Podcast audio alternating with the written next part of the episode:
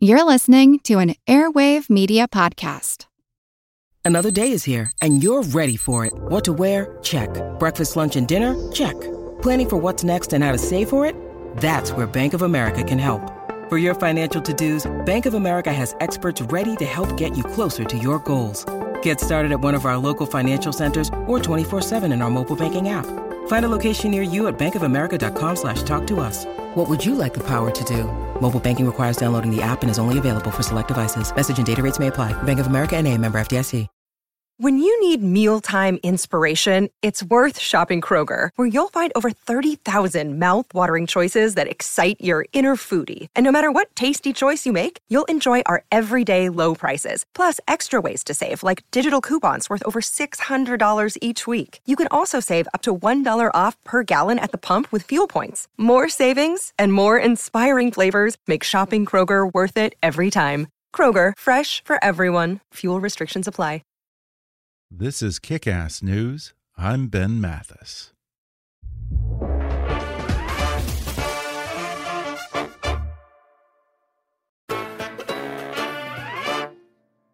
For more than a decade, the Bulletproof founder Dave Asprey has shared his unique point of view and expertise to help fans become the best versions of themselves. From living longer to getting smarter, maximizing performance to practicing mindfulness, Dave's followers look to him for his take on the most effective techniques to become healthier and more powerful than most doctors think is possible.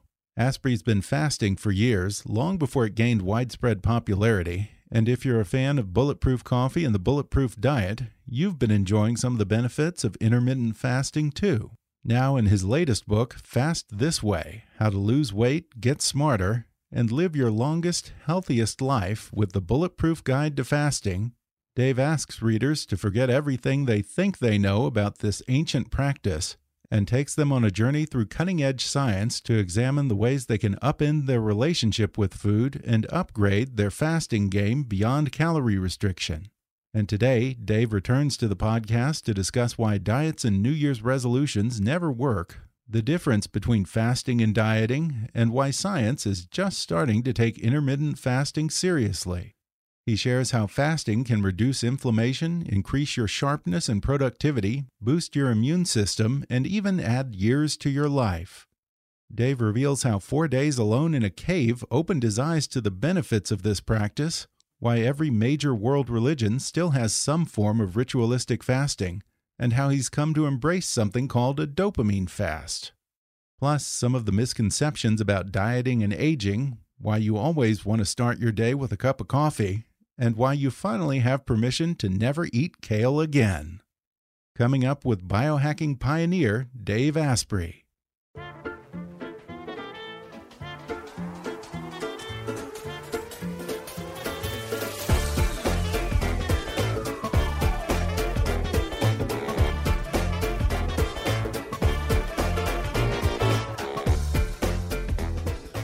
Dave Asprey is a Silicon Valley tech entrepreneur, professional biohacker, the creator of Bulletproof Coffee, and the host of Bulletproof Radio, the Webby Award winning podcast, as well as the New York Times bestselling author of Game Changers, Headstrong, and the Bulletproof Diet.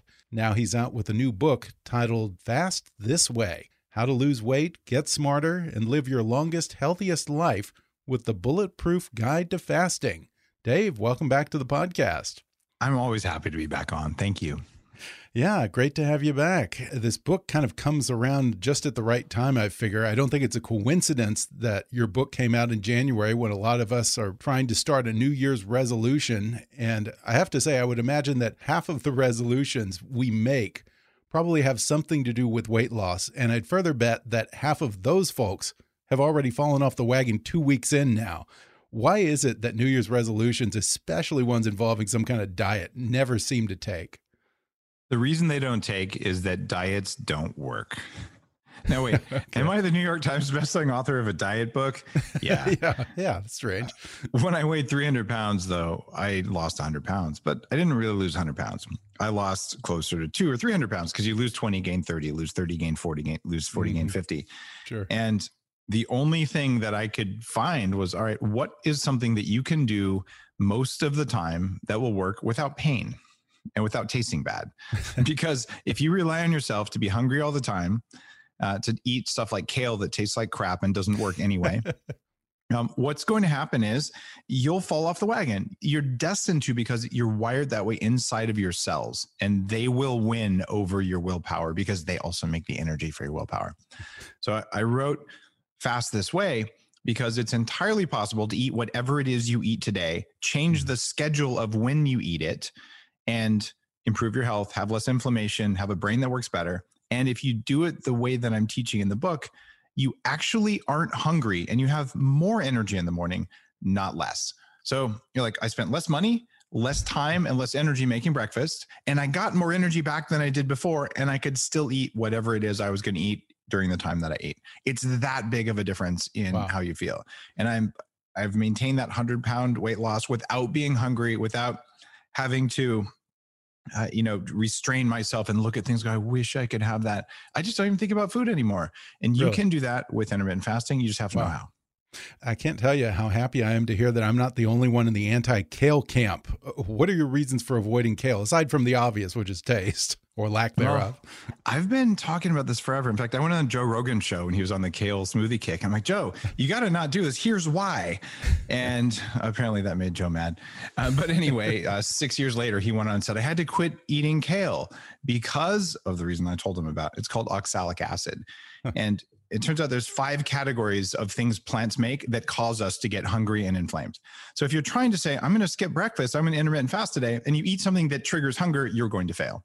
Kale is one of the things that makes you hungry because oxalic acid sticks to calcium in your blood and makes microcrystals throughout your body that contribute to, uh, let's see, kidney stones, joint pain, and uh, and gout. Wow. So people saying, well, I ate this and now I felt like crap and I was hungry. Like, have you ever been full after eating a kale salad? No one has, unless no it's full way. of bacon. It was the bacon that made you full. Throw away the kale and just eat the bacon. okay. See, I occasionally get gout, and I always thought it was all the meat and cheese and booze that I drink and all that. Booze. You're yes. saying it might be the kale, huh? it, there's two kinds of gout. You can get gout from uric acid, and mm-hmm. there the biggest contributor is actually alcohol and fructose, followed by excessive protein. so most people like well, they're, they're, picking on the protein, but they're drinking cokes and going, "This won't right. affect me," but it's the high fructose corn syrup that's the major trigger. And the other kind comes from eating raw spinach and kale and things like that. So you get those out of your diet, you don't have any more food cravings. And so understanding what are the foods that cause you to be hungry, well, if you get rid of those, you always are better off. And then skipping breakfast or even skipping breakfast and lunch, it's just not a big deal. And there's some other hacks you can use, but when you do that, food stops distracting you because been 15% of the average thoughts in a person's brain are about what's for their next meal. And if you're not right. thinking about food at all, instead of focusing on tacos, you can focus on your job or on your spouse or on your mission and mm-hmm. you know mm-hmm. helping other people, whatever you like to do with your time. But getting that energy and that focus back, that's why fasting matters. Uh, you know, I'm interested in fasting as a productivity hack because I'll tell you, I can recall when I was doing uh, what was it, the old lemonade diet I felt oh, sharper and more focused, even though it, was somewhat questionable. But more than anything, I felt like I accomplished more on the days when I wasn't eating. And I don't think I realized until then just how much time we spend thinking about our next meal, preparing and cooking food, figuring out which restaurant to go to, where to order from. It actually sucks up a lot of time, doesn't it? Huge amount of time it sucks up. And the problem is that I worked in Silicon Valley when I was so heavy. And the thought of skipping breakfast was abhorrent. I'm like, are you kidding? If you don't eat six times a day, you go into starvation mode and then you get fatter. That's a lie. And then, but I believed it. So I was afraid of getting fatter. Who wants to be in starvation mode? But worst right. of all, I would get hypoglycemia. And it's like 11 o'clock. I'm like, okay, I'm going to punch someone. I don't care what they did. I'm just going to punch them. Like, like I was a jerk. And so I learned to be afraid of being hungry because I knew I'd act like a jerk. I knew I'd have mm-hmm. brain fog and I knew that it would make me fat. None of which was actually, well, some of that actually was true, but the, the afraid of being fat wasn't true. And what I realized over the course of developing the bulletproof diet, keep in mind, people have lost a million pounds on the bulletproof diet. Wow. It's been around really? for 10 years. I've been intermittent fasting with people who are my followers for that amount of time. I have huge amounts of, of experience with it. And the number one highest return on investment thing you can do is learn how to skip breakfast without being hungry. And if you just Okay. do that one thing, you're not likely to get diabetes nearly as much, which reduces your risk of cancer and heart disease and all these other things. But those always happen sometime else later in life. What really matters is that the first time you do it, or maybe the second time, if you don't do it right the first time, you actually got more energy. So you spent less money, you spent less time, you thought less about food, you got more energy. It's a return on investment from a negative investment. It's Yeah. really cool. Now, Dave, you say in here that your experience with fasting goes all the way back more than a decade ago to a vision quest that you did in a cave in Arizona. Why was Yeah. that such an epiphany for you? Well, I learned, as I mentioned, I was afraid of being hungry for a variety of reasons. And having been obese, you know, you always have have issues about not wanting to be obese again. So you're kind of afraid of that. But I also realized I was afraid of being alone. And I'd done some personal development work. You know, why do we why do we date the people we shouldn't date? Why do we get in bad relationships? And this wasn't something that was a rational fear because fear isn't rational, it's an emotion. So I thought about this. All right, I'm going to hire a shaman and I'm going to ask her to drop me in a cave in the middle of nowhere with no one around for 10 miles. So there's no food and no people. And if I completely lose my marbles, I'm just going to pound on some cave walls. like I'm just going to have to sit with it because I didn't give myself a choice. Wow. And I, I tell this story in the book. And it's, I think this is my best book, most readable book ever because of the story in there. But I remember I had a protein bar, and this is in 2008. Protein bars sucked back then. oh, yeah. And I'm like, well, I got the best tasting one, and I'm just gonna have it in my backpack just in case. And like right as I was walking out the door to go down the trail, I'm like, yeah, I'm not gonna do that. And I put it back on on our kitchen table.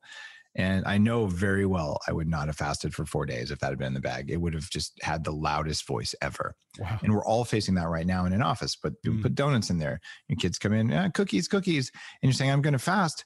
The picture in our mind is deprivation and willpower. But if you flip the switch for hunger hormones, which you can do easily, you literally look at that cookie or whatever it is, and you- there's just no desire in you to eat it.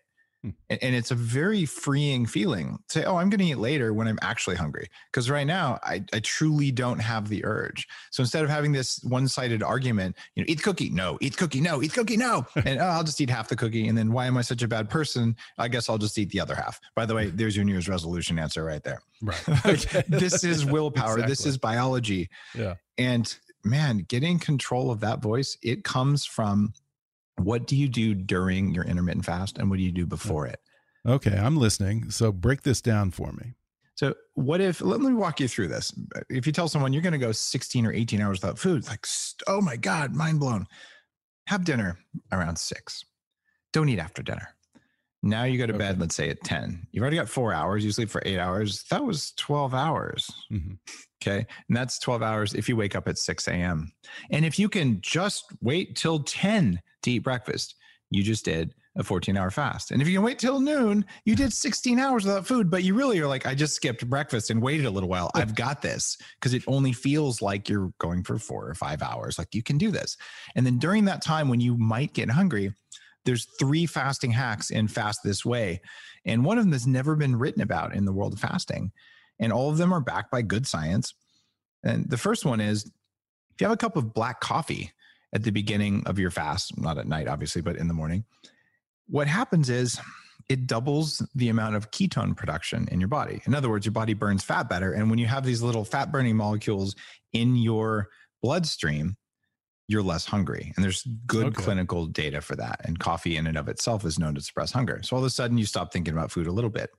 You're saying, but I'm still thinking about food. So then you make it a bulletproof coffee, a little bit of grass fed butter and some MCT oil. The C8 kind works much better. That specific C8 MCT oil quadruples ketone production in the body compared to street grade, the most common MCT oil or coconut oil. So now all of a sudden, if you're in a cave 100 years ago or 1,000 years ago fasting, you would have had to wait two and a half days to get that many ketones. And that's why after a couple days, oh, I can now become enlightened and my brain is working and I'm in all these states. well, my assumption is that we all have work to do. So when you're doing a working fast, put the MCT oil in there. It will not break your fast. Okay. Because there's no protein and there's no carbohydrate. Your insulin is constant and your protein digestion systems are still working on cleaning up your body the way you want them to. And what's going on there is fascinating because now you've got the energy of that guru in a cave after two days of fasting, the way I got on my third day as I write in the book. Like, wow, I have all this energy all of a sudden. Well, during the week, you don't want to be hangry for two days to get there because that's not right. going to be a good couple days. So you do this in the morning and magically you still got the metabolic benefits of fasting, but you got the energetic benefits of just showing up the way you wanted to. And the final fasting hack is something called prebiotic fiber. And this is something your body can't digest, but it increases human lifespan. Most of us don't get enough of it, and it radically reduces hunger. So you can put that there in your coffee with or without the bulletproof stuff. And if you do that in the morning, your body still thinks you're fasting. And there is no one on earth who's been able to do it. Bulletproof coffee with prebiotic fiber and then look around and say, I'm hungry. In fact, if you were to look at that versus a big kale omelet, the kale right. omelet's going to make you hungry for the muffin at 10, and the coffee is going to make you ignore the muffin at 10. so you stack these things during a, fast for a while. And eventually your body is like, oh, I got this. And you can just go all day without eating. Like, oh, I'm fine. I just didn't need to. Interesting. And that's wow. so liberating. As a former fat guy, yeah. I still have stretch marks. like I just don't have to worry anymore. And mm-hmm. that's why I wanted to write the book. It's it's the best ROI you can get. You don't have to change your diet, but if you do, it'll work better. Yeah, and I'm fascinated by your experience in this cave. You actually say that when you emerged from it, you had gone through something of a spiritual revelation. You describe it almost in religious terms. And I want to talk about that spiritual element of fasting because I love it. Virtually every major religion has some kind of ritualistic fasting. Muslims fast for Ramadan, Jews fast for Yom Kippur, Christians give up things for Lent, or Catholics don't eat meat on Fridays. Where does all this come from? Why, why is there such a connection between fasting and spirituality? Every spiritual lineage has figured this out in their own way and they incorporate it as best they can. And here's the way it works. And I'm saying this both from reading literature, but I run an advanced neuroscience institute where we take people for five days and put them in very advanced altered states using computers to show how it's working. So I can measure the effects of food and different types of food and see what works. And what these people figured out in history was you know what? Some amount of energy is used to digest food. And when you're digesting food, that energy is not available for thinking or feeling or doing anything else. And all food has three things in it it has calories, which are good. You need them. It's called energy. It has nutrients, which are really good. You need those. It also has anti nutrients or things that are bad for you. And it's just a question of what are the ratio of all three. Well, these anti nutrients that are common, especially in plant foods, they suck a lot of energy. So if you're trying to get enlightened or go into a spiritual state and you're taking some percentage of your energy to digest food, and the food is giving you some energy back, but it's also giving you some toxins that slow you down, well, it's no wonder you didn't have as much energy. And then when you fast, especially for a couple days, or you use the tricks I'm talking about, when you go into this keto mode or ketosis, which is a natural thing after two days of fasting, or even if you're doing intermittent fasting every other day for three days, you'll get a little bit of ketones. These ketones can be used by the neurons in your brain and they contain more calories. They have more energy than glucose. Hmm. So now all of a sudden, these sages sitting in a cave somewhere and they're going, wait a minute, I got extra energy into my brain from ketones. I didn't waste any energy on digestion and I didn't waste any energy on these other things that hitchhiked in on my food. So now I have enough energy to really go in and to, to sense the world. At the same time, when you have no food in your body, your body's wired to survive. So it goes, hmm, let me open up all of my sensors into the world around me. And let me give you a little extra boost of energy so you can go hunt the mastodon or whatever the heck it is we evolved to do. So at that point, like, man, I am in, I'm in flow. I've got so much energy. I can sense things around me I couldn't. And I've got enough energy to look within and do whatever the personal development work I was looking to do or, or make whatever spiritual progress is in my my religion or my spiritual school. And trying to do personal development work, trying to learn you know, to not hold a grudge or to not you know, hate people or whatever is most important to you, more compassion, more forgiveness, all those things. Doing that when you're hungry and tired sucks and you won't be very successful. So okay. let's make it so you're not tired and not hungry, even though there's no food in your mm-hmm. stomach. And then progress happens. So there's a spiritual fast and there's a working fast. Working fast is to save your life and make you feel good and probably buy smaller pants and be in the zone during the day. spiritual fasts, you do them a little bit longer and you slow down, you rest, you mm-hmm. reflect, you journal, and you do breath work. Yeah, you you actually refer to a type of fasting that is strictly spiritual and may or may not actually even involve restricting calories. What kind of spiritual fasts are there? You know, this is one of the most challenging ones, and I'm I'm leading more than ten thousand people through this for free. The first time ever, I'm teaching one of my books for two weeks. just send your receipt to fastthisway.com, and I'll actually walk people through this for actually 14 days. Okay. Not a 14 day fast, but I'll just teach you know a little bit of fasting this day. But okay. I'll I'll walk through the Fair chapters enough. in the book with with readers and do live Q and A's, no cost. It's literally just a gift. Fastthisway.com. But when you get to the spiritual, the the end of that one of the hardest fasts that you could do is in the last chapter in the book, and it's a fast from hate. And uh, I will challenge you to do an intermittent hate fast. Just do four okay. hours. Can you go four hours without thinking a bad thought about a person or something else? Wow. It is really hard. Yeah. I mean, it, in fact, until you've done a, a, substantial amount of, of the kind of work I've done in Tibet, you know, with with lamas in South America and, and just on my own path, it is almost impossible for someone just starting out to do that because you just realize how often is your brain injecting all this negativity into you well you can teach yourself it's okay to not do that. When you learn hmm. to skip breakfast you're telling your body you won't die if you skip breakfast. And the body goes oh i guess i won't die. I can chill. And when you successfully go four hours without hating anybody and you survive the body's like maybe all those negative thoughts aren't necessary because they're emerging from your body. They're just trying to keep you alive. Like that guy might be untrustworthy. That person's critical. This isn't real. We might think it's real, but this is our body just going, there might be a threat. Let's take them out. And when you show it they're not a threat, you spend less energy trying to take them out. And that energy goes back into maybe making a better decision about breakfast or maybe into being a better person. But that's okay. why spiritual fasting is so powerful that almost sounds more challenging than the actual calorie restriction fast.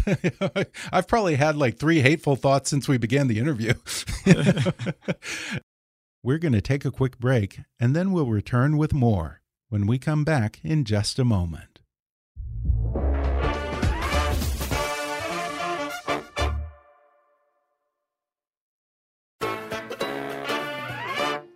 Do you think that part of the reason why there hasn't been that much research into the benefits of fasting, at least until relatively recently, is that the scientific community maybe doesn't take it that seriously. Maybe they viewed fasting as a religious practice or thought it was too hippy dippy and spiritual to warrant serious investigation. You nailed it. Yeah.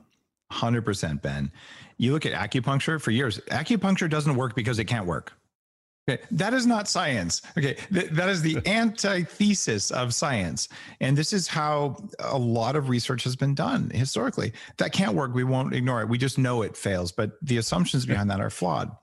So, starting about 10, 15 years ago, the research really started coming out. And I've interviewed some of the top fasting researchers, academic at universities uh, recently for Bulletproof Radio. And the data just keeps coming out more and more and more saying, it looks like when we eat a meal, our body acts as if we just got an infection. And then it releases all these inflammatory antibodies that go in and help to digest the food.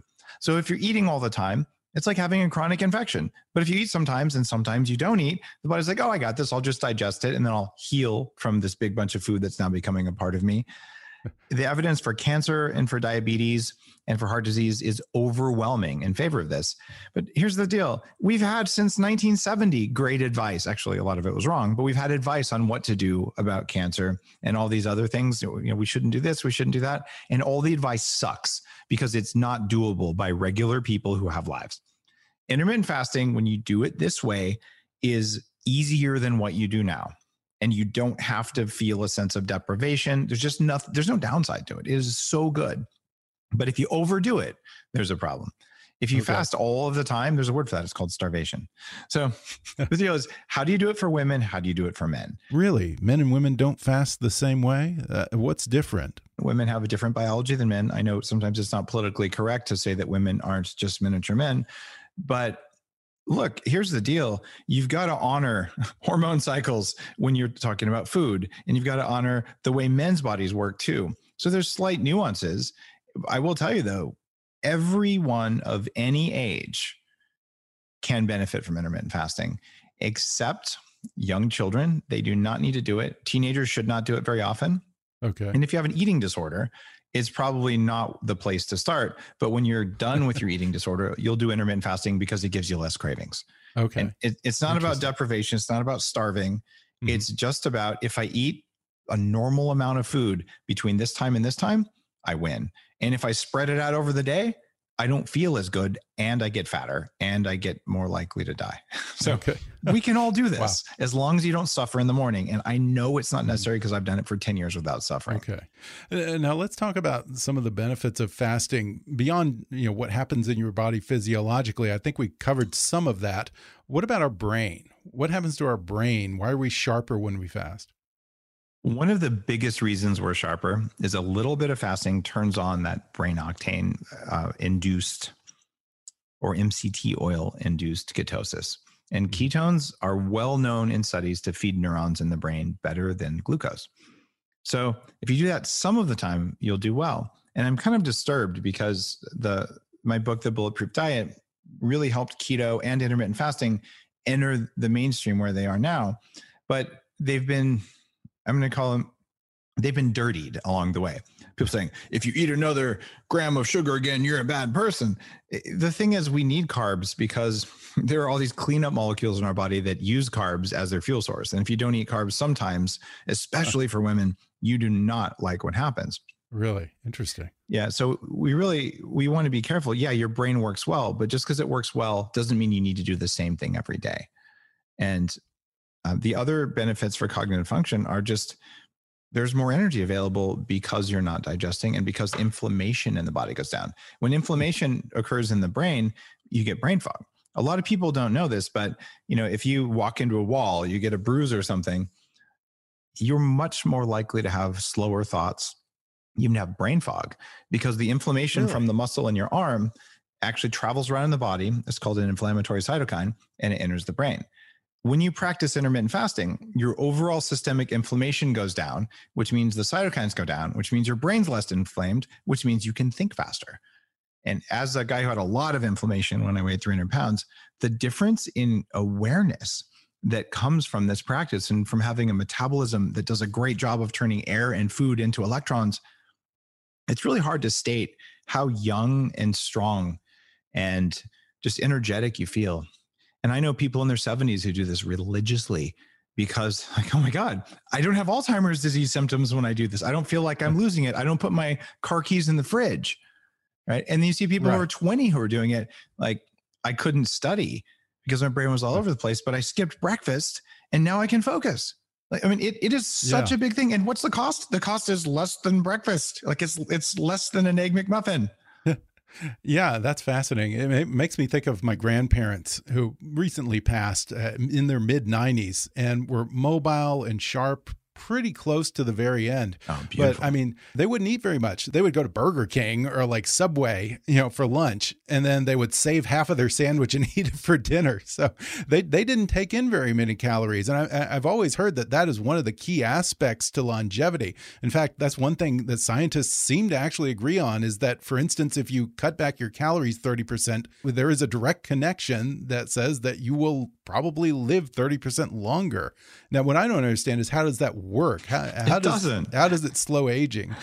I, I've been running an anti-aging nonprofit group for about 15 years. Okay. Uh, one based in Palo Alto. So I've had a lot of experience with the anti-aging crowd, and I'm I'm one of them. I Uh-huh. lecture to 3,000 anti-aging doctors at their largest uh, congress every year. There are a few radical people who saw the mouse studies based on caloric restriction who Right. decided to do it, and they walk around cold all the time, super skinny, and going, "Well, I just got used to the hunger, so I don't really think of it as hunger anymore." and I feel pretty good, but they're malnourished. I, I mean, they don't even look Huh. healthy. And I would question whether I really want 30% more life like that. Okay. Okay. well, Um, yeah. I, I, that's the other thing is I heard that yeah, your energy is down, your sex drive is down, and all that. So, But yeah. here's the thing that causes some genetic switches. Guess what else throws most of those genetic switches? Intermittent fasting. So, intermittent or time restricted eating provides Mm-hmm. many, if not all, of the benefits of caloric restric- restriction. Okay. Interesting. You might want to take some supplements that also enhance those effects. You might want to take some pharmaceuticals that enhance those effects. I'm going to live to at least 180, so I'm all in on whatever I can do. That's right. But intermittent fasting and maybe fasting for 24 or 48 hours every couple months, which is not a big deal. Not once your body works right. You can just, oh, I guess I'll skip lunch. And oh, I guess I'll also skipped dinner. I went to sleep there. I did 24, I did 36 hours and you know, all I had to do was skip dinner. It's not that hard. But when you start, you don't have to do that. Mm-hmm. And doing that on a regular basis is going to give you so many of the benefits of starving all the time that you would never starve all the time because that's just ridiculous. Okay, so you're saying you're not a big believer in the mouse study and all that. You, you no, say instead works. of restricting calories, just no humans can do it. Window. Like there's okay. like eight people who do it, and right. they're all okay, really right. odd. True. well, you know, I also want to talk about fasting in the immune system. You know, I'm one of those guys who I can never remember if it's feed a cold and starve a fever or vice versa. but you know, since we're in the midst of COVID 19 and cold and flu season, what are the benefits and maybe even the oh. drawbacks of fasting, if there are any? I don't know. There's a chapter about immunity in Fast This Way, and I present two different papers that are really important in the time of COVID. And frankly, anyone who travels 150 days of the year, like I did until mm-hmm. they shut everything down and put all the small businesses out of business, I um I didn't get sick when I traveled. It was very, very rare. But when I first started out, it was. So knowing this stuff is important no matter whether or not you know we've got covid floating around or whatever else every year you just don't want to be getting sick. So this is general right. human knowledge not just covid. But i put the chapter in there because it's so powerful. What researchers found is that if you have a bacterial infection that not eating sugar and not eating carbs helps you survive and helps you fight off the bacteria faster Yet, if you have a viral infection, they found that having some blood glucose, but not too high, helps you survive a viral infection. In other words, different kinds of infections require different eating patterns. Okay. However, if you practice intermittent fasting three times a week, maybe four times a week, you're likely to be much more resilient for any kind of infection you get just because your cells can do a better job of fighting it off. Um, hmm. if you don't practice intermittent fasting, and you're over about 35, 40, you're probably on the path to diabetes unless you have a very careful diet and exercise regimen. And that's you know, 42% of Americans are overweight. So I, I feel like having seen just tens of thousands of people share, oh, I just lost 20, 30, 40 pounds on this kind of stuff uh, in the bulletproof community. Man, we don't have to have those levels of obesity. And if a 300 pound computer hacker like me could do this, I was worse off than most people. so I'm I'm like the the the canary in the coal mine guy. and intermittent fasting works for immunity. But I would tell you, if I had a viral infection, I'm not going to have sugar because that suppresses immunity. But would I have some carbs and white rice or something like that? Heck yeah. Do I have okay. white rice regularly anyway? Yeah. You don't have to be in ketosis all the time. It's not even good for you. Okay. So you don't want to starve your way out of COVID then. Is that what you're saying? I don't think so. But you okay. don't want to eat your way out of it either. Right. Now, speaking more generally, I'm curious what does the biohack king do to protect himself from COVID 19? And ha has it involved injecting yourself with bleach? I mean, you're the guy who'll try anything, aren't you? bleach? No, no. It turns out drain cleaners much better. No, of course. You don't have to do that kind of stuff. Yeah. What you, uh, what I focus on is something called the inner mask. Hmm. And the inner mask is something you always wear that protects you from viruses and bacteria out there. And okay. keep in mind, 80% of people who get COVID don't know they got it. So you want to be one of those 80%. Right. Right. And that's really important. So I focus on immune function, on reducing chronic inflammation, on intermittent fasting. I take my zinc.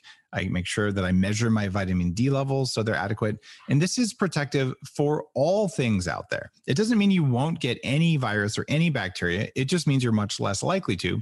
And if you do, you're likely to not notice or it'll slow you down. It's called basic human metabolic resilience, and it works for your immune system.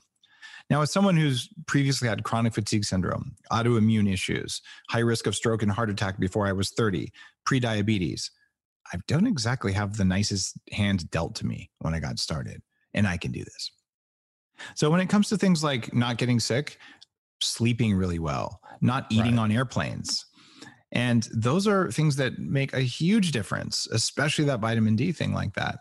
Yeah. And what about the not not eating on airplanes? Tell me about that. I don't know about that. Man, your job is to I mean, aside from the food. the food is just terrible, but well, yeah, you shouldn't eat airplane food just because it's not food. But right. your body takes 30 pounds of air and some amount of food and combines them to make your energy every day. Mhm. There's no air on airplanes. They're pressurized to like 8,000 feet or 6,000 Right. feet, depending on what model you're on. So when you're up there, ketones are protective from ionizing radiation you get when you're m- much higher up in the air. Huh. So have coffee, have water, and don't eat in the air.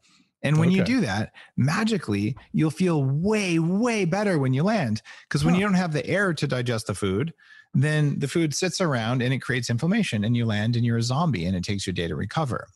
And I've gotten to the point using the techniques. There's a chapter on combining light and food timing to change your your sleep rhythms. I don't get jet lag anywhere on the planet. I can fly to Dubai and get off the airplane and be highly functional, and I'm just okay. This was not my life for most of my life as an entrepreneur, but I've dialed that in in the last five years where I just don't worry about it. But I also write in the book about how I did fly to Dubai. And the stewardess comes up to me and, and says, Oh, would you like a menu? And I said, No, thanks. I'm not eating on the flight. And she looked at me like I was going to die. And I looked at her. I said, Oh, don't worry. It takes a couple months to starve to death. I won't starve in 18 hours. I'll be okay. So she goes away and she sends another stewardess over, like to talk to me because I'm crazy. Like, can we just give this to you? And then I said, No, I might just have some coffee later. And she goes, Wait a minute. You're Dave Asprey. Go, yeah. She goes, I have your True Dark glasses. Oh my God, I'm drinking bulletproof coffee in the galley. Do you want me to get you some? You don't need a menu. How cool is that? Wow. Right. So flight crews are doing bulletproof. They're doing intermittent fasting because it works better for them and they have the hardest job on earth. Yeah, yeah, and they- you know they don't have time to eat anyways, probably. Yeah. so And they're getting like probably- leftover economy class ham sandwiches Right. or something. It's Right. just not food. yeah, now, there are so many different diets out there. There's keto, paleo, vegan. You know, just as many fasts. Some of these are pretty dubious. Uh, do you have a preference, or you know, is it kind of just whatever works for you?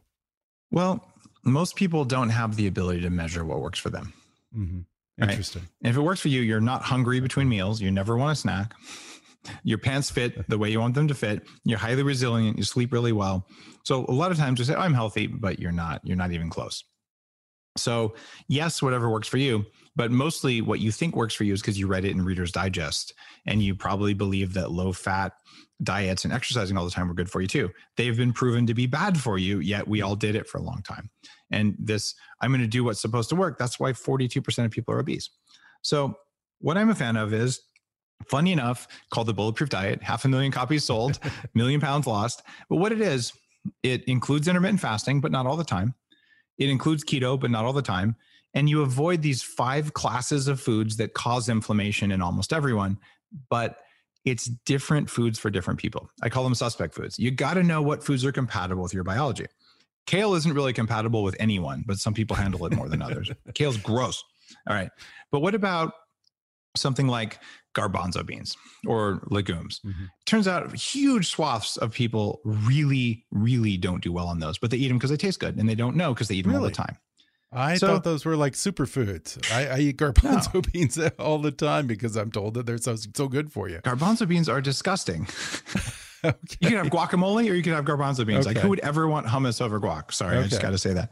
But What what about chickpeas? chickpeas, are chickpeas? garbanzo beans, same thing. I know. I, I why why is that? Has anyone figured out why some people call them chickpeas, one why some are garbanzo beans? I think it's a regional. I looked that up. It's like a regional variation sort of things. Like if you're from the south, that. it's this. Yeah. But here's the thing: we evolved to survive on all kinds of weird food. Ninety-nine percent of plants will kill you. If you go outside and just pick out something from the forest and put it in your mouth, you're probably going to go to the hospital. I mean, they really want to kill you. And then there's some that we can live on enough to get through the famine until we can hunt a deer. Uh-huh. Right. So the idea that we're supposed to live off the the I'm starving foods because they're somehow good for us because they have one good nutrient without ignoring these five classes, it's not even good science. The kind of thinking that supports that, like here's a bowl of cyanide with a vitamin capsule on top. They're like, oh, it has vitamins, and then they would take it. right. So you got to look at the pros and the cons of every food. And what the bulletproof diet does that's different than paleo and certainly isn't vegan is it helps you figure out which foods are causing that inflammation for you. Let's talk about garbanzo beans. They're high in something called phytic acid or phytates. This is something that blocks your body's ability to absorb zinc and other minerals.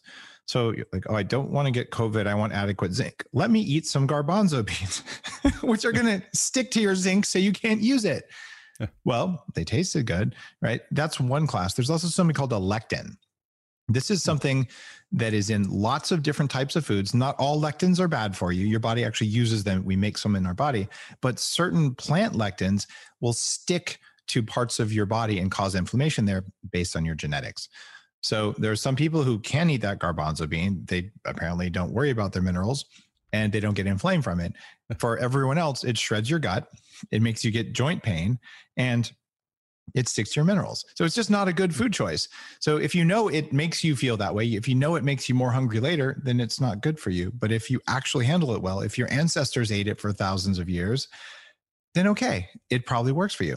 But it's that you've got to dial it in. So there's a group of foods that work for everyone, a group of foods that work for no one, and then a group of foods that might work for you. And once you dial that in, you eat on the schedule I talk about in Fast This Way, um, it works. And if that was too complex, go to fastthisway.com and you can download the roadmap. It's a one page thing you print on your fridge that tells you foods you can eat, foods that might be compatible with you and foods that are kryptonite foods. Okay. It's one page, it's free. I don't want your money. I just want everyone to eat foods that don't make them act like jerks. Okay. Well, you know, before we go, I, I want to ask you about a fasting trend that I hear a lot about these days that has nothing to do with food. That's the dopamine fast, where you disconnect from technology, social media, etc., which makes a world of sense to me because, yeah, I mean, yeah. we're like Pavlov's dog every time we get a text.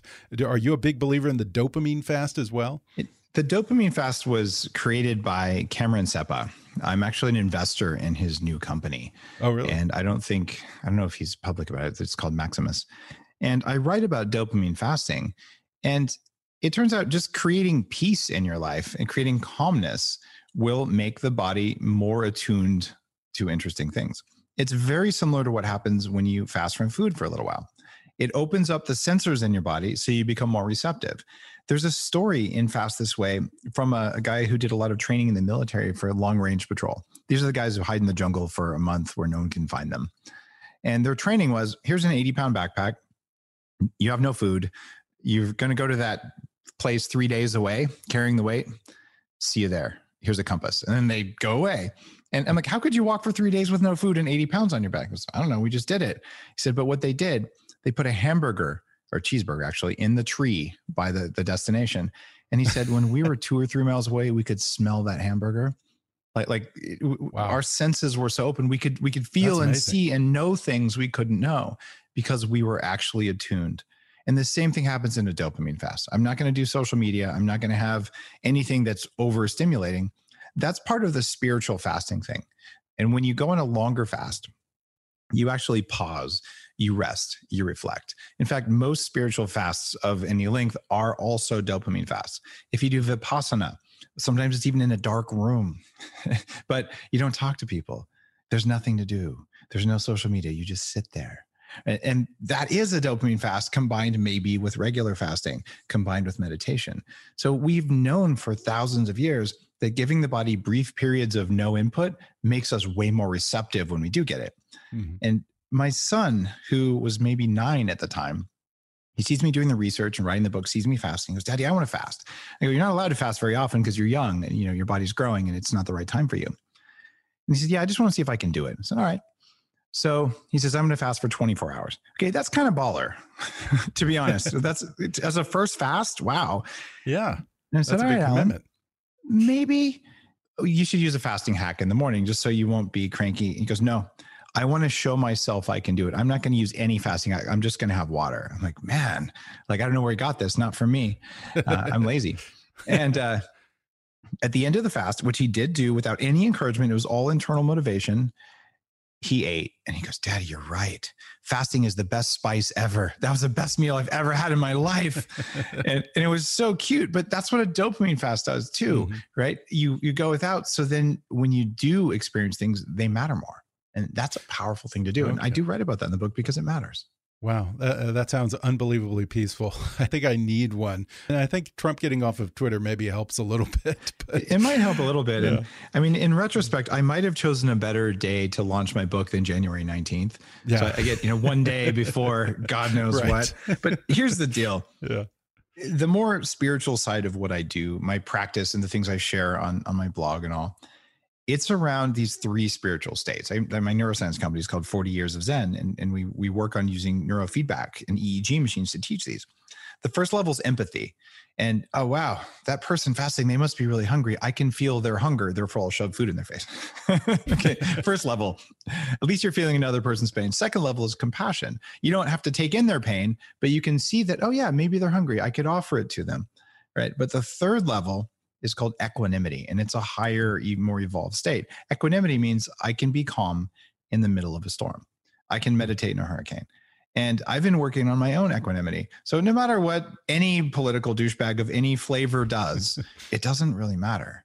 Because if they weren't doing it, some other political douchebag would be doing it.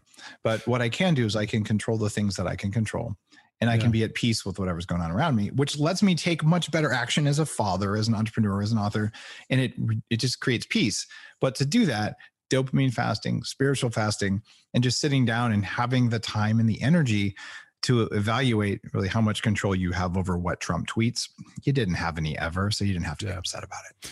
Good advice. And thank you for giving me permission to ditch kale finally. yeah, permission granted. One more time, the book is called Fast This Way How to Lose Weight, Get Smarter, and Live Your Longest, Healthiest Life with the Bulletproof Guide to Fasting. Dave Asprey, it was great talking to you again. Thank you, Ben. Have an awesome day. Thanks again to Dave Asprey for coming on the show. Order his book Fast This Way How to Lose Weight, Get Smarter, and Live Your Longest, Healthiest Life with the Bulletproof Guide to Fasting on Amazon, Audible, or wherever books are sold. And for more information on the Bulletproof Fast, visit fastthisway.com. Listen to his podcast, Bulletproof Radio, wherever you get your podcasts, and keep up with Dave at bulletproof.com and on Twitter at, at bulletproofexec. If you enjoyed today's podcast, be sure to subscribe to us on Apple Podcasts and rate and review us while you're there. Five star ratings and detailed reviews are one of the best ways for new listeners to discover the show. You can also follow us on Facebook or on Twitter at, at KickassNewsPod and recommend us to your friends on your social media. For more fun stuff, visit kickassnews.com, and I welcome your comments, questions, and suggestions at comments at kickassnews.com. For now, I'm Ben Mathis, and thanks for listening to Kickass News.